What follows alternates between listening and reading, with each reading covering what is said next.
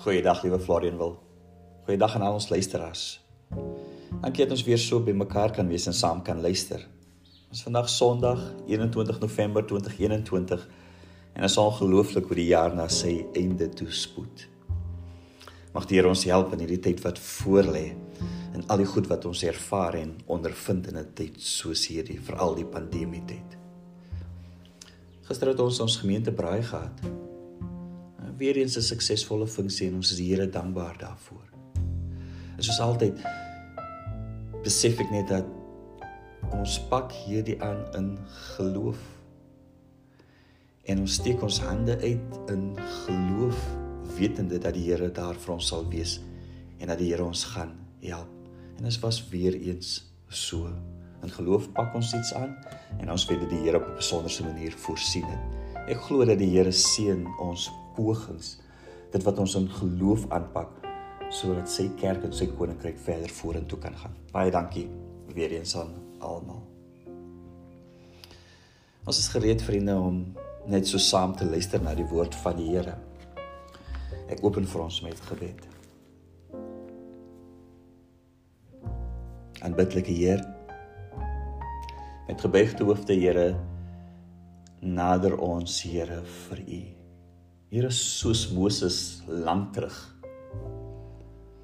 Die tyd toe Moses Here sy skoene moes uittrek want die grond waarop hy staan is heilige grond. Here in die teenwoordigheid Hemelse Vader. Here soos Moses Here voor die brandende bos. Ons staan dus Here vanoggend weer eens voor die heiligheid. En dankie dat ons dit mag doen en kan doen. En nou Here, stuur die lig en stuur die waarheid. Gee Vader dit vir ons sal lei, ons sal bring na die heilige berg, Here. Ons sal bring Here na die plek waar U is. Amen. Vriende, broers en susters, genade en vrede vir julle van God ons Vader, ons Here Jesus Christus, deur die kragvolle werking van die Heilige Gees. Ons teksgedeelte, liewe vriende, kom vanuit die boek Matteus. Baie bekende gedeelte wat handel oor die groot oes.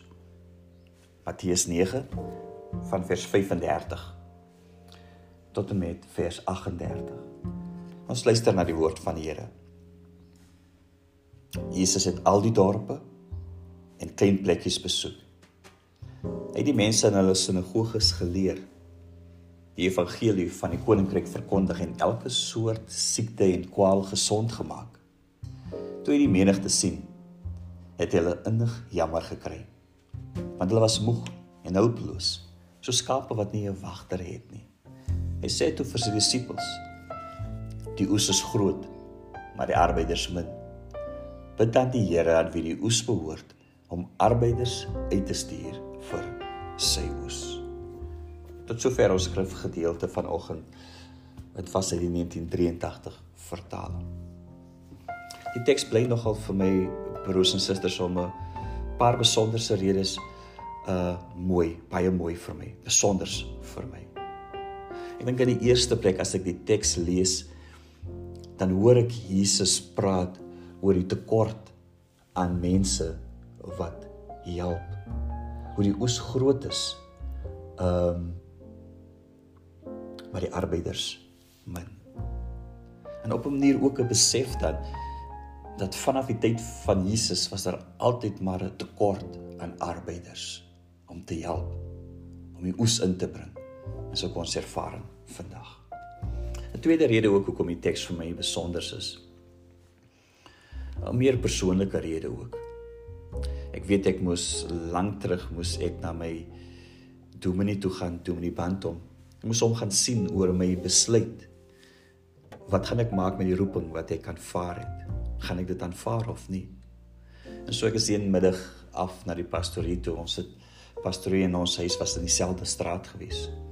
So een middag na hom toe gestap en vir hom my antwoord te gaan gee dat ek tog die roeping aanvaar. Maar spesifiek ook dan die teks aanhaal vir hom dat die oes groot is en dat die arbeiders min is en dat ek dis een van die arbeiders wil wees in die koninkryk van God. Die waarheid is is dat in 'n gesprek met my pa het hy die teks vir my gegee of my herinner aan die teks. En dis met hierdie tekstes ehm um, wat ek na die dominee toe gaan, wat na my dominee toe gaan. Oh, so besonder vir my. Maar ons fokus vandag is Jesus wat die skare jammer kry. Jesus wat die skare innig jammer kry.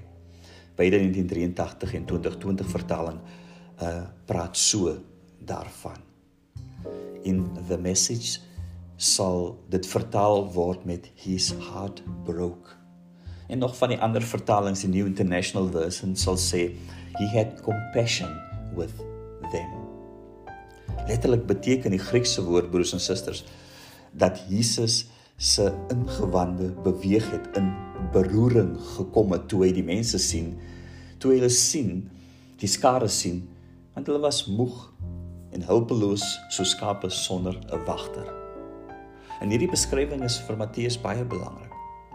Die beskrywing dat Jesus Christus mense sien in hulle nood en lyding en op grond daarvan dat hy hulle jammer kry, dat hy compassion het met mense en hulle nood en wat hulle ervaar, ervaar.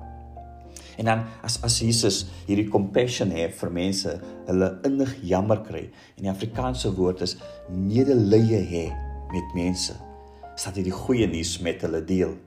En dat hy mense gesond maak, genees van elke soort siekte en kwaal.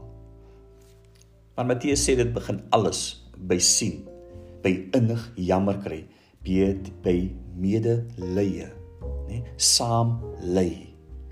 Alles begin daar. Die Engelse woord compassion het sy oorsprong vanuit Latyns met die betekenis to suffer with om saam te ly.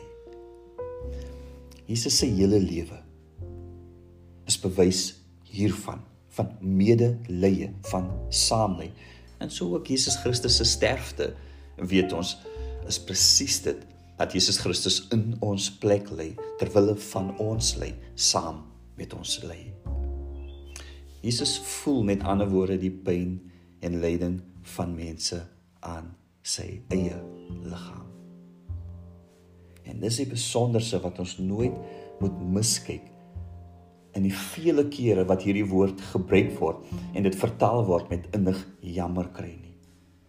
Jesus voel dit, ervaar dit saam met mense. Die kere wanneer hierdie woorde gebruik word of die Griekse woord gebruik word is albei kere wanneer die vermeerdering van brood plaasvind. En dan word die kere wat Jesus Christus beweeg word om brood te vermeerder is omdat hy mense innig jammer kry. En dan word die fisiese honger van mense. Jesus voel dit saam met hulle en hy help hulle daarin. Dink aan die keer Matteus 20 toe Jesus die blindes gesond maak. En dan word in die siekte van mense in in die nood van mense in die tekortkoming van mense sal Jesus mense innig jammer kry en gesond maak en heel en verlei help. Lukas hoofstuk 7 word hierdie woord ook gebruik. Dit is toe die weduwee se seun gesterf het en Jesus op hulle afkom toe hulle op pad is om die seun te gaan begrawe en dan en dan sal Jesus hierdie vrou innig jammer kry dat hy vra sê om nie meer te huil nie. Wanneer dit kom by die dood van mense, dan is dit asof Jesus innig jammer kry, maar ook dat Jesus medelei, saam lê, presies voel wat hierdie weduwee voel, presies voel wat ons voel wanneer ons iemand aan die dood afstaan. Hierdie teksgedeelte word ook gebruik wanneer Jesus die storie vertel van die barmhartige Samaritaan. Wanneer daardie persoon deur die geweld van ander lê langs die pad en beroof word, dan vertel die storie dat hierdie Samaritaan medelee betoon en hierdie persoon help langs die pad. In geweld verstaan ek dit dis ook dat Jesus saam voel. Lukas hoofstuk 15. 'n Mooi teksgedeelte van die verlore seun. 'n Pa wat sy verlore seun tegemoet hardloop. omdat die pa hierdie seun innig jammer kry. In die verlorenheid as gevolg van sonde sal Jesus dit saam voel met mense. Jesus sal presies weet wat dit is. Hierdie verlorenheid van nie meer weet watter kant toe nie as gevolg van sonde. Vir die mooie verhale en in die mooie verhale sien Jesus die nood van mense en Jesus voel dit aan sy eie liggaam. Presies wat ons ervaar, ervaar Jesus Christus dit ook. En dit broers en susters, mag ons nooit mislees in die evangelies nie. Um dis wat gebeur, is die wonder van hierdie verhale. Verlede week verlede week Sondag het ons deur die Bybel vir Jesus Christus weer gesien dra aan die kruis op pad na die heuwel Golgotha toe. Maar ook gefokus op die struikel en val van Jesus Christus onder die gewig van die kruis en ook as gevolg van die lyding wat hy ervaar, uitgeput tot die dood toe. En Jesus op die grond het Henry nou en ons remind herinner daaraan en sien ons alle mense wat ook dit ervaar omstandighede deurmaak en dis nie meer kan nie. En Jesus weet dis presies ook wat dit beteken om aan die einde van jou kragte te kom. En Jesus sien ons God wat saam met ons lê. In elke vorm van menslike lyding het God ook gelei. Dit bied vir die vriende onuitspreeklike troos.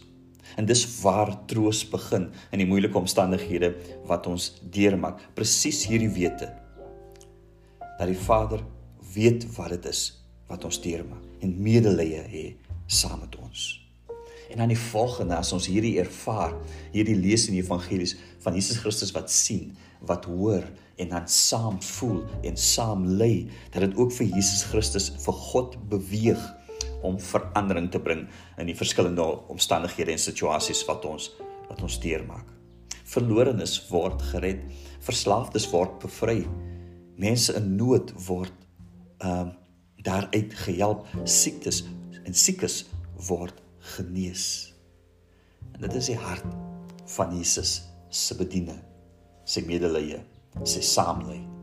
En dis die goeie nuus wat ons vandag weer eens moet hoor. En dan natuurlik lei dit vir Jesus Christus tot dade van hulp. Dit is Matteus se bedoeling. Um en dit is Matteus se boodskap vir Jesus se navolgers en vir Jesus se kerk om Jesus hierin na te volg. Ons moet erken die eerste navolgers van Jesus Christus, ook die vroeë kerk en ons vandag ook kon nie hierdie roeping uitvoer nie. En kon dit eenvoudig net nie doen nie. Ons kon nie met mense saam lê nie. En daarom kon ons ook nie beweeg word om vir mense te help nie. Ons word oorval met nuus elke dag van seer en probleme. Nuus van dood en lyding. Die een verhaal na die ander. Tragiese omstandighede, traumatiese verhale. En hierdie verhale moet ons bring tot medelee, soos Jesus soos met God. Maar hierdie daglikse konfrontasie met die seer van die wêreld, moet ek erken, maak ons onsensitief. Skenk ons nie aandag aan mense en hulle verhale nie. En sommige kere dink ons net by onsself dat ek het my eie probleem. Ek kan nie nog die las dra van ander nie. Ek het my eie kruis wat ek dra. Ek kan nie nog die van die wêreld dra nie. En tog is dit die uitnodiging om saam met God te lê oor die seer van hierdie wêreld. Jesus sien die skare. Jesus hoor die verhale van seer en sy ingewande kom in beroering en beweging. En hy is tot ontferming en barmhartigheid en medelee beweeg. Die nood van ander het hom in beweging gebring. En so is Jesus en so is God. En so moet ons ook wees. Hierdie is deel van ons kruisdra in hierdie wêreld. Hierdie is deel van ons roeping. Die moeilikste goed is saam met om saam met ander te lei. Die moeilikste dinge is om om saam met ander te huil in hulle pyn en wat hulle ervaar. Die moeilikste dinge is om daardie las wat mense dra as gevolg van trauma, as gevolg van seer, as gevolg van dood, siekte, noem maar op, moeilikste goed. Is om dit ook om op ons skouers te neem. Ek ervaar in hierdie verhale dis dis waar ons roeping begin. En ek ervaar ook in hierdie verhale dis wat die verandering bring. Ek weet soms nie hoe nie. En ek weet soms nie wanneer nie. Want ek kan soms nie mense help in wat hulle ervaar nie. Maar somehow bring dit vir God in beweging. As ons God se ore in God se raak. Ons gebed moet eintlik dis net wees. Here, gee my oë om te sien. Here, gee my ore om te hoor sodat ek kan saam Mag die Here ons hier in hierdie roeping help. Amen. En bidtelike Heer. Hierdie is vir ons 'n moeilike opdrag. Maar Here in 'n wêreld waarin daar soveel pyn en lyding is. In 'n wêreld Here waar ons sukkel onder die pandemie, Here. En waar mense wat siek raak, Vader, en sterf ook. Mense wat werk verloor, Here, is gevolg hiervan. Mere mense wat honger en dors is. Here, na u woord, ja man, besonder ook Here fisies honger en dors is. Hier ons roeping begin om hulle te sien, te hoor. En dat ons regtig Here ons harte vir hulle sal oopmaak. Here, soveel so dat ons ook uitgeput raak, Here, as gevolg van hulle lyding. Slegs deur sien slegs deur die hoor daarvan. Here hiermee het ons baie hulp nodig. Baie baie Here. En stuur ons tog uit Here na mense toe. Dat ander kan sien Vader dat U Here hoor en sien deur ons. Dankie Here dat ons as gemeente bymekaar kan wees. Dankie Here dat ons in alles Here nog kan leef en nog kan aangaan. Dankie Here vir kos op die tafel. Dankie Vader vir u genade en verskild vergifnis Hemelse Heer. Dankie daarvoor. Ons gaan die feestyd en Kerstyd in Here met nuwe hoop. Here die adventstyd Here en ons bid vir die koms in ons lewe en ons omstandighede. Sien ons Vader. En nou bid ons Here om u seën dat u Here op 'n manier saam met ons sal wees. Mag die Here jou seën en jou beskerm. Mag die Here sy aangesig oor jou laat skyn en jou genadig wees. Mag die Here sy aangesig na jou toe oplig en aan jou vrede gee in ons antwoord. Amen.